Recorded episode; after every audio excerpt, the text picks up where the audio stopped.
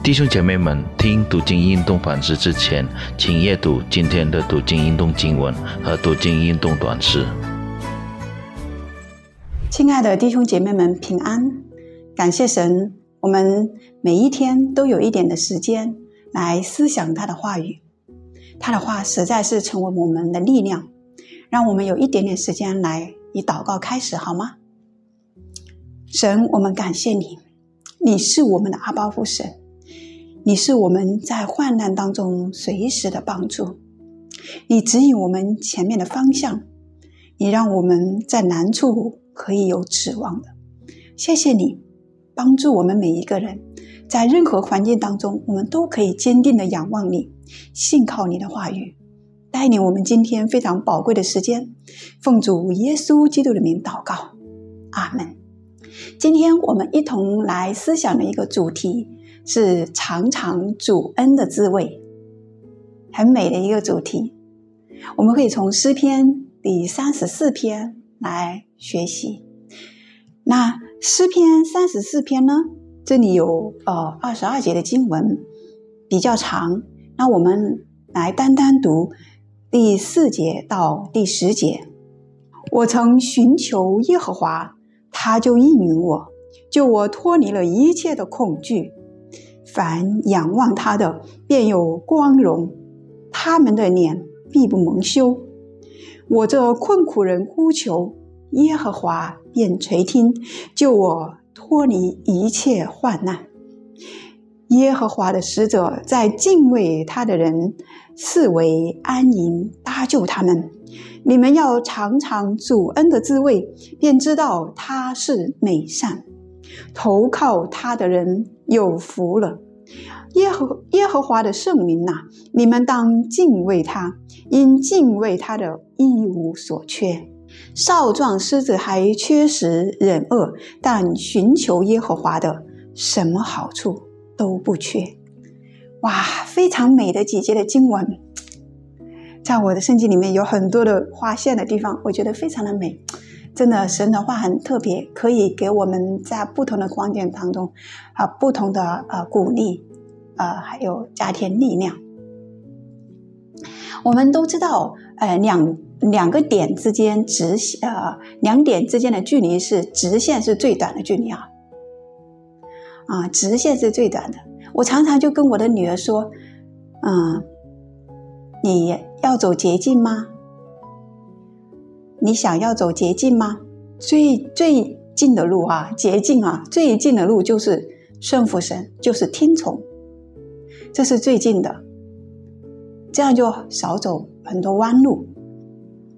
但是回想我自己的呃属灵的生命的经历，我就会发现哦，有时候神会允许我们走一些的弯路，让我们学习在困难当中。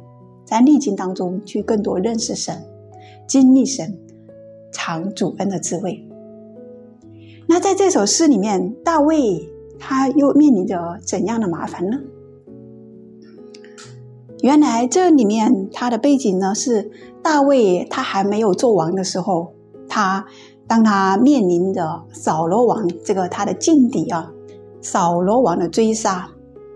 然后神，他呼求神，神赐给他智慧，还有平安，他又躲避了，他又啊存活了。那在第一节，你看，我要时时称颂耶和华，赞美他的话必藏在我口中。大卫赞美神，称颂神，称颂他的美善。这不是说仅在他顺境的时候，而是在他逆境的时候，他仍然是如此。这不是说只是啊呃一两次呃偶尔，呃，而是经常常常时时的。这也给我们很多的提醒。无论在顺境还是在逆境，我们的口所说出的，就是啊，都认定这是神所许可。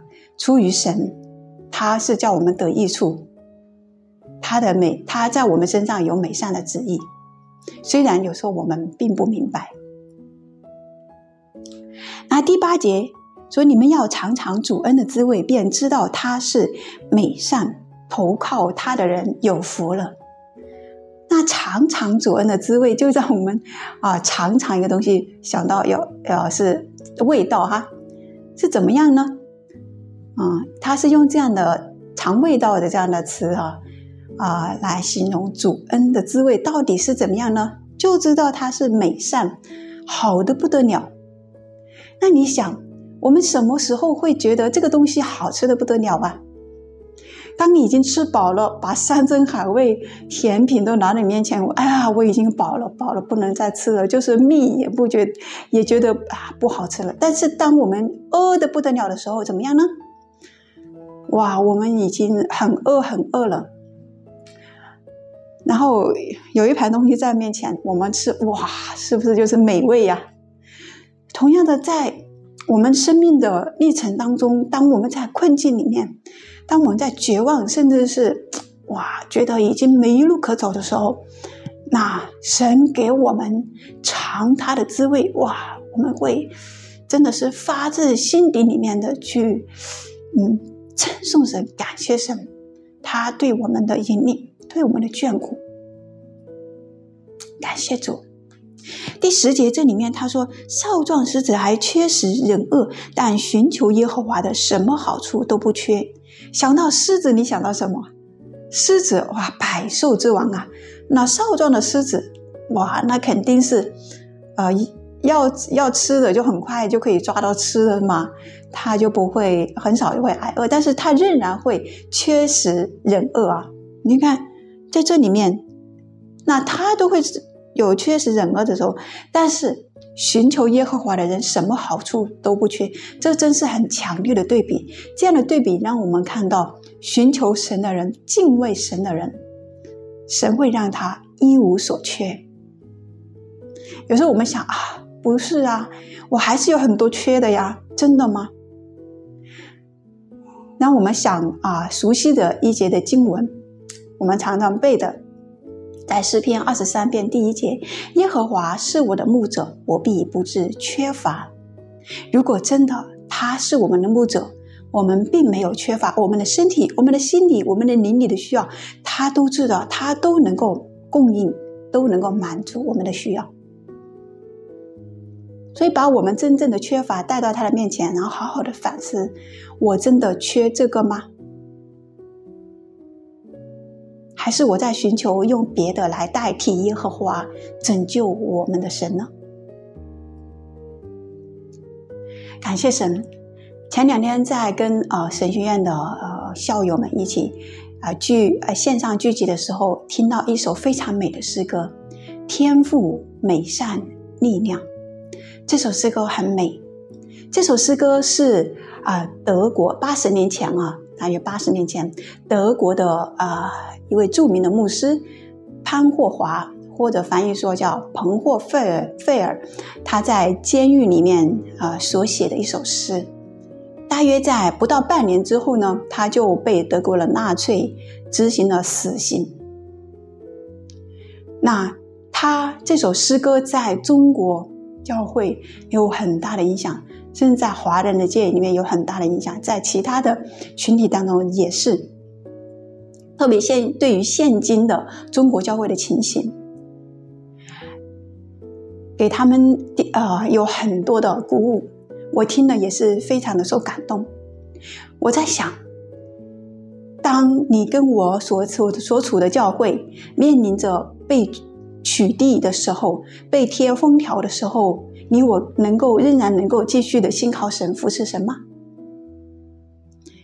我在想，当啊我们的线上聚会都已经被禁止，如果你参加线上聚会，你仍然有可能被抓啊被罚款，面临这样的情况，你还会继续的信靠神，去愿意去尝在困境中，在逆境里，在逼迫面前去尝主恩的滋味吗？求神来怜悯我们，天赋美善力量，在任何的处境下，它都是美善的，它也是一切美善的源头。我们的信仰是真实的，我们的信仰也是来真的。愿神给你我从他里面而来的勇气，来在这个时代啊，勇敢的走这一条窄路。让我们一起来祷告，主，我们感谢你，谢谢你帮助我们每一个人。主啊，让我们好好的想，你怎么样走这世上的人生，我们跟随你，我们不会超过你。让我们每一位，我们都预备好我们自己，在这个邪恶的时代，在这一个充满着压力、充满着挑战。甚至是面临逼迫的处境，我们都可以坚定的仰望你，继续往前行。求你向我们每一位施恩，也让我们可以有勇气、有力量，坚定的走前面的道路。愿主施恩怜悯，感谢神保守我们每一个人在你面前的信心。奉主耶稣基督名祷告，阿门。愿神赐福我们每一位。